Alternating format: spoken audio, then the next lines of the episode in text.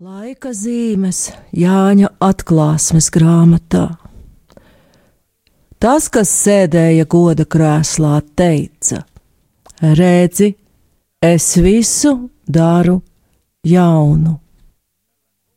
Lai ir slavēts Jēzus Kristus, darbie radioklausītāji, studijā atkal Stela, un šodien mēģināsim izprast, Jāņa atklāsmes grāmatas uzbūvi.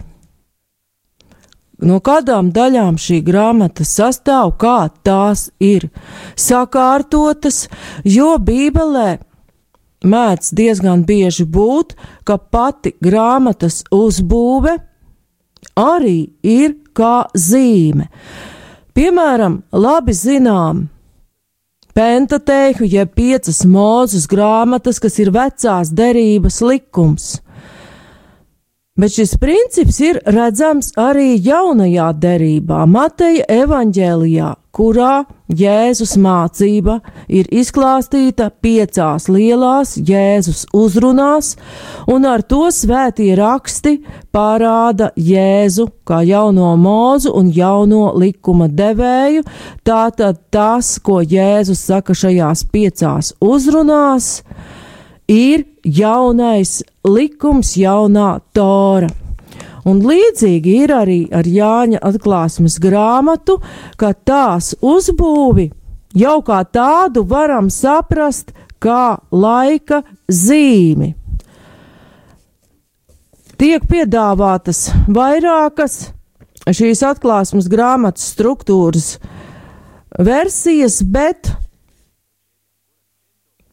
katrs jau kādu redz kā tuvāku un saprotamāku, un tās visas zināmā mērā ir savā starpā saistītas, bet mēs vairāk pievērsīsimies ekseģēta Alfreda Leple piedāvātajai grāmatas struktūras analīzei, jo tā ir visatbilstošākā atklāsmes grāmatas vēstījuma būtībai, un tā arī ir ļoti labi izmantojama, ja par šo tēmu atklāsmes grāmatu kāds grib runāt kādā bībeles studiju grupā vai kādās cita veida šādās nodarbībās bībeles katehēzē. Šis pētnieks atklāsmes grāmatas struktūru ir saskatījis kā septiņu reiz septiņu redzējumu ciklu ar iestarpinājumiem, kuri paskaidro situāciju un virza darbību. Pētnieka piedāvātā struktūra sākas ar prologu, kurā ir ietverts sveiciens, nosaukts atklāsmes grāmatas pierakstītājs Jānis, arī tās devējs Jēzus, kam seko sagatavošanas vīzija, kura iepazīstina ar apstākļiem, kādos vizionārs Jānis saņem šos redzējumus un veidus, kā Kristus šo atklāsmi sniedz. Pirmais septiņu redzējumu cikls ir septiņas vēstules Mazāzijas draudzēm, par ko varam lasīt atklāsmes grāmatas otrajā nodaļā no pirmā līdz trešajam pantam un arī trešajā nodaļā. Caur šo pilnības skaitli mēs varam saprast, ka vēstījums septiņām mazāzijas draudzēm ir vēstījums visai universālajai baznīcai, jo reāli tajā laikā pirmkristīgās draudzes jau bija vairāk nekā septiņas, tā ir nozīme šim pilnības skaitlim. Tad nāk iestarpinājums, kas atklāja debesu liturģiju un klātesošu svēto trīsvienību, kur redzama arī vecās un jaunās derības tauta, kam seko sešu zīmogu atvēršana. Atkal ir neliels iestarpinājums, kam seko septītais zīmogs. Tātad šie zīmogi veido jau otru septiņu redzējumu ciklu, kam tālāk seko septiņu bazūņu vīzijas ar iestarpinājumiem, Tad tālāk vēl seko septiņas zīmes, kas ir jau ceturtais redzējumu cikls. Un tad jau stāstījums kļūst ļoti ātrs, koncentrēts, gandrīz bez iestarpinājumiem, un seko septiņu dusmu kausu attainojums, septiņas vīzijas par Bābeli un redzējumu cikli beidzas ar septiņām piepildījuma vīzijām.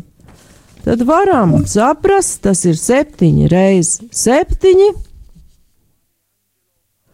un šis redzējuma noslēgums, debesu Jeruzaleme, jau apzīmē kaut ko, ko mēs varētu jau redzēt kā pēc skaitļa 50, 7 reizes 7, 49, un šis debesu Jeruzalemes atainojums jau ir, varētu būt šis kā 50. jubilejas gads.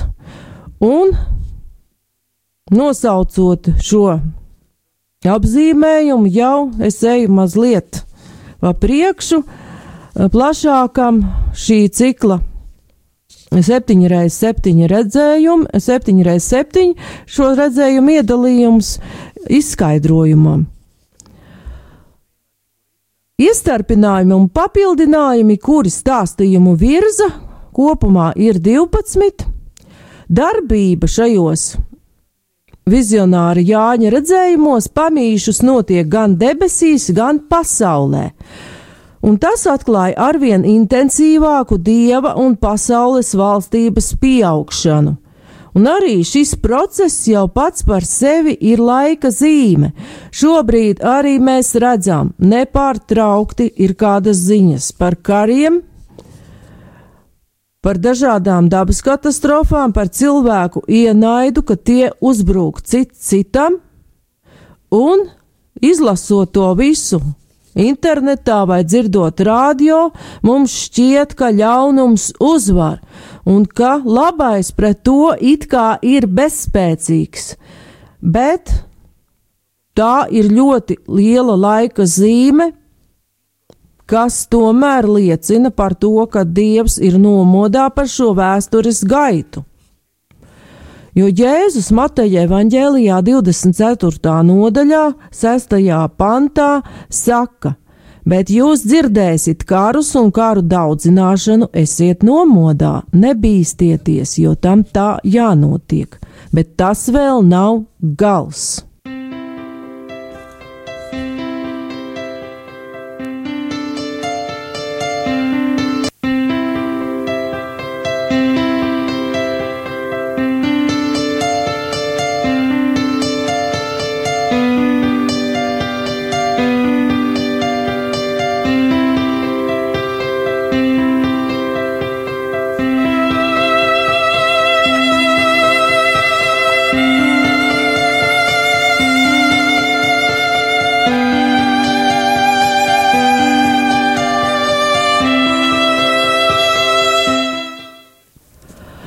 Un ko tad atklāja šī 7x7 redzējuma uzbūve? Tā parāda vecajā derībā ietvertā likuma par sabata gadu un jubilejas gadu, eskatoloģisko piepildījumu, un katrs septiņu redzējumu cikls darbojas kā septiņu vecās derības gadu piepildījums jaunajā derībā, kas atklāja konkrēta procesa pabeigšanu vēstures attīstības gaitā. Visi septiņi cikli kopā ietver šos septiņreiz septiņus sabata gadus, kas ļauj mums gaidīt šo mūžīgo jubilejas gada laikmetu, ko atklāsmes grāmatā izsaka debesu Jeruzaleme, un kurā mēs varēsim ieiet kunga atdusā, kā tas ir sacīts vēstulē ebrejiem. 4. nodaļā, 9. pantā. Tā tad vēl atliek svēta dusa dieva tautai. Un interesanti, ka šajā jubilejas gada gaidīšanai atbilstošajā struktūrā, kas atbilst šim laikposmam vecajā derībā, ir ietvertas cita bībeles pētnieka Donatien Mollat atklātās septiņas svētības, un tās ļoti labi iekļaujas septiņu redzējumu ciklā, jo parāda mūsu garīgās dzīves attīstību ceļā uz savu piepildījumu, uz savu debesu Jeruzalemi. Un pirmo svētību pētnieks redz atklāsmes grāmatā, pirmā nodaļā, trešajā pantā. Svētīgs tas, kas lasa, un tie, kas klausās pravieša vēstījumu vārdus, un tur to, kas šeit rakstīts, jo noliktais laiks ir tuvu.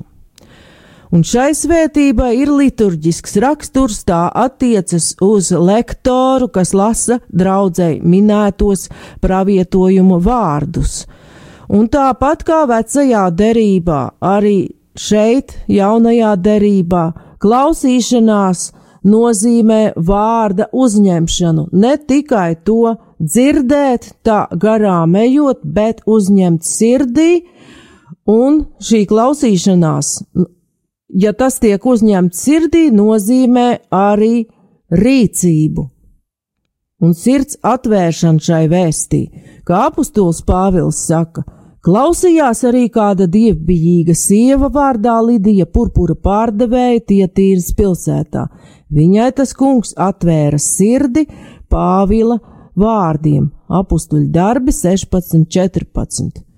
Un šī klausīšanās ar sirds atvēršanu ved cilvēku pie dieva vārda pildīšanas. Otro svētību Eksaģēts Mollet atrod atklāsmes grāmatas 14. nodaļā 13. pantā. Es dzirdēju balsi no debesīm sakām raksti.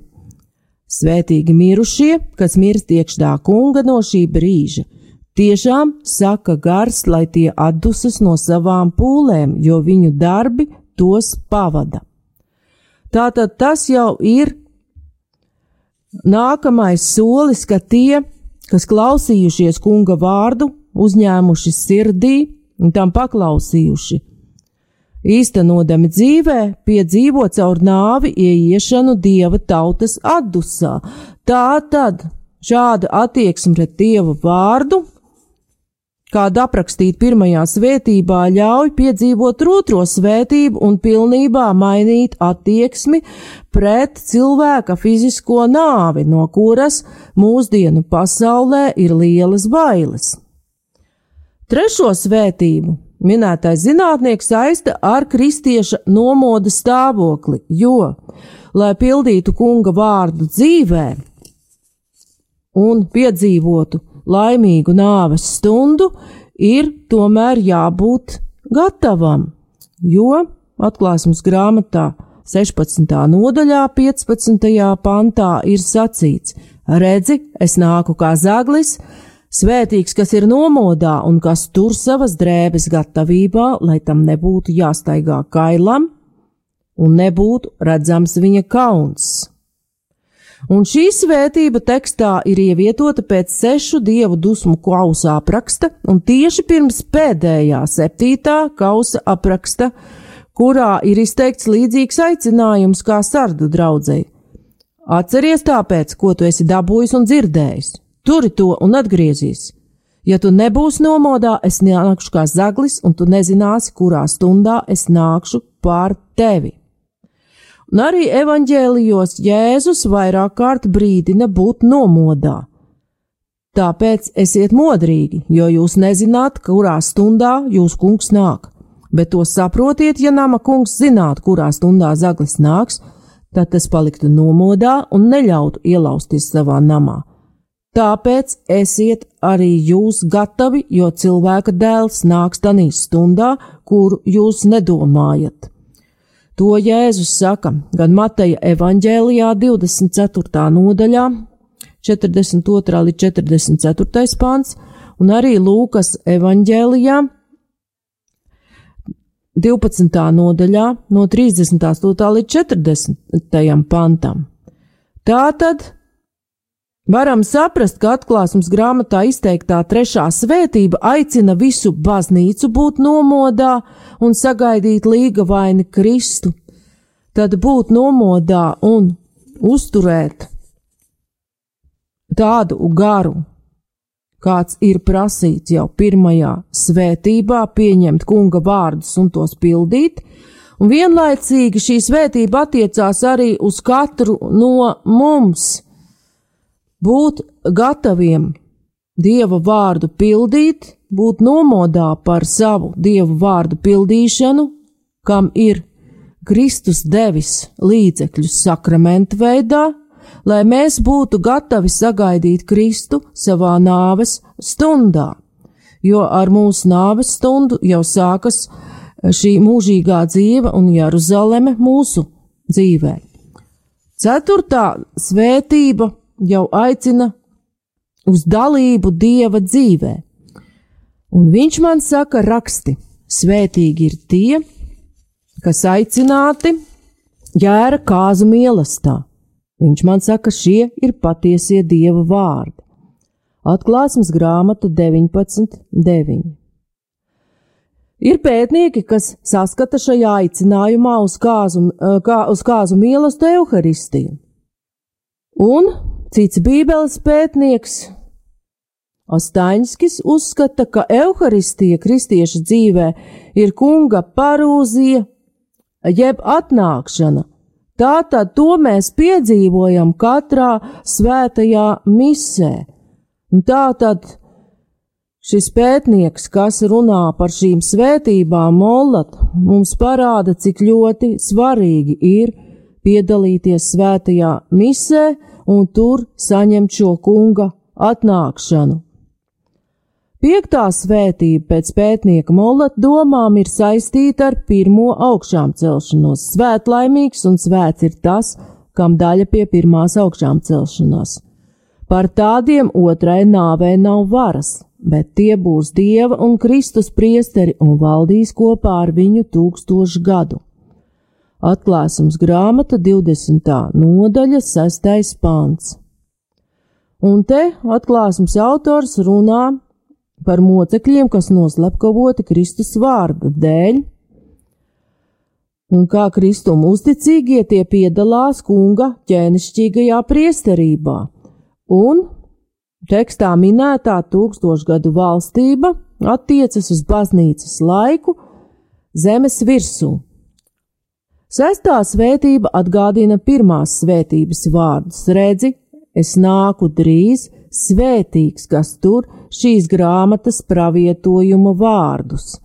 Bet te tā svētība uzrunā jau nobriedušu kristieti, kurš ir sekojis pirmās svētības aicinājumam lasīt, klausīties pravietojumu vārdus.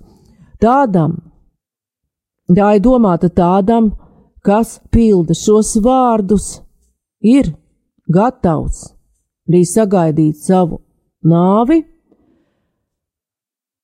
piedalās Kristus klātbūtnē Euharistijā,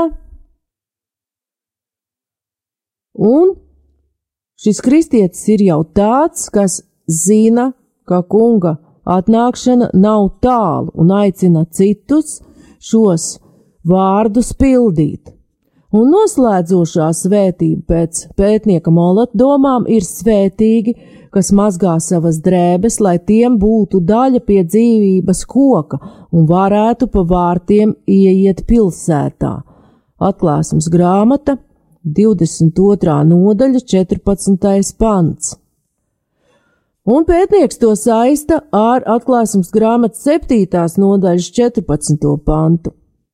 Šie ir tie, kas nākuši no lielām bēdām un savas drēbes mazgājuši un tās balinājuši jēra asinīs. Un te tiek atklāts pestīšanas noslēpums Kristus, upura asinis nomazgā grēku un dara cienīgu ieiet šajā dzīvības mīlestībā, Un kā dzīvības koku šajā svētceļojošā baznīcā atkal jau ir norāde uz evaharistiju, varam uzlūkot svēto komuniju, kurā Kristus dāvā pats sevi. Un atklāsmes grāmata runā par vārtiem, par kuriem ieiet pilsētā, bet Jāņa evaņģēlijā mēs redzam jau skaidrāk, kādi ir tie vārti, pa kuriem mēs varam ieiet pilsētā. un uz kuriem aicina šī svētītā svētība. Jāņa evaņģēlijas desmitā nodaļa devītais pāns mums paskaidro. Es esmu durvis. Ja kāds caur mani ieiet, tas tiks izglābts. Viņš ieies un izies un atradīs ganības. Un šos vārdus par sevi saka pats Kungs Jēzus, tas pats Jēzus, kas Jānim dod šo atklāsmi septiņreiz septiņu redzējumu ciklā.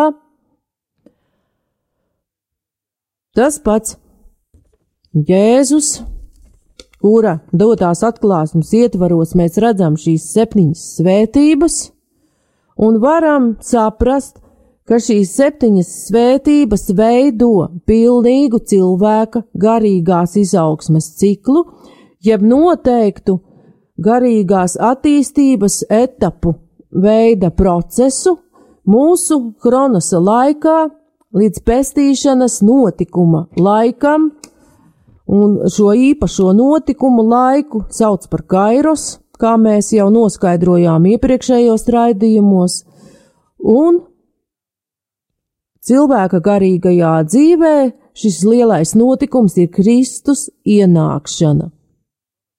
Vārds tiek lasīts. Cilvēks ieklausās šajā dieva vārdā. Tad viņš to sāk izdzīvot un ir spējīgs sevi krustā sist pasaulē līdz ar Kristu un ir vienmēr nomodā, lai sagaidītu kungu un caur viņu ieietu debesu Jeruzalemē. Šo procesu mēs varam saskatīt gan visas baznīcas svēceļojumā uz debesu Jeruzalemi vēstures gaitā, un par šo vēstures gaitu savā veidā runā katrs no septiņu redzējumu cikliem, jo tur ir runāts gan par baznīcu, atklājot gan tās stiprās, gan vājās puses, un vēlāk runājot par šīm septiņām baznīcām, mēs redzēsim, ka zināmā mērā tas attiecas arī uz mums pašiem, kā baznīcu locekļiem. Citos septiņos Eh, septiņu redzējumu ciklos mēs redzam, kā attīstās ļaunums pasaulē, kā pieaug arī dieva reakcija uz šo ļaunumu. Ir Dievs ļauj cilvēkiem ciest viņu izvēles sekas, kā arī atklāsmes grāmata parāda šīs baznīcas svētceļojuma noslēgumu vēstures gaitā bet šo pilnīgošanos procesu mēs atrodam arī katra cilvēka mūža garumā, gan katra kristieša dzīvē no evaharistijas līdz evaharistijai, jo arī pat ja mēs misiju apmeklētu katru dienu un piedalītos evaharistijā, mēs izdzīvojam šo saskarsmi ar grēku ar kārdinājumu, un mums ar vienu ir jāatjauno šī ieklausīšanās vārdā, vārda darīšana, vārda dzīvošana, kā arī jābūt nomodā un gataviem, ka kungs var mūs aicināt mājās. Tā tad redzam, ka Jāna atklāsmes grāmatai struktūra ir kā laika zīme gan attiecībā uz visu cilvēces vēstures gaitu, kura kļuvusi ir ļoti ātra pēc Kristus atnākšanas, gan arī šī struktūra attiecas uz katra cilvēka garīgo dzīvi. Bet par pirmo septiņu redzējumu. Ciklu? Septiņām mazāzijas draudzēm Mēs runāsim jau nākamajā raidījumā pēc nedēļas un redzēsim, kā baznīcu redz pats Kristus un mūs kā tās piederīgos, kādas ir mūsu stiprās, kādas vājās puses un kādi ir mūsu lielākie kārdinājumi. Studijā bija Stela.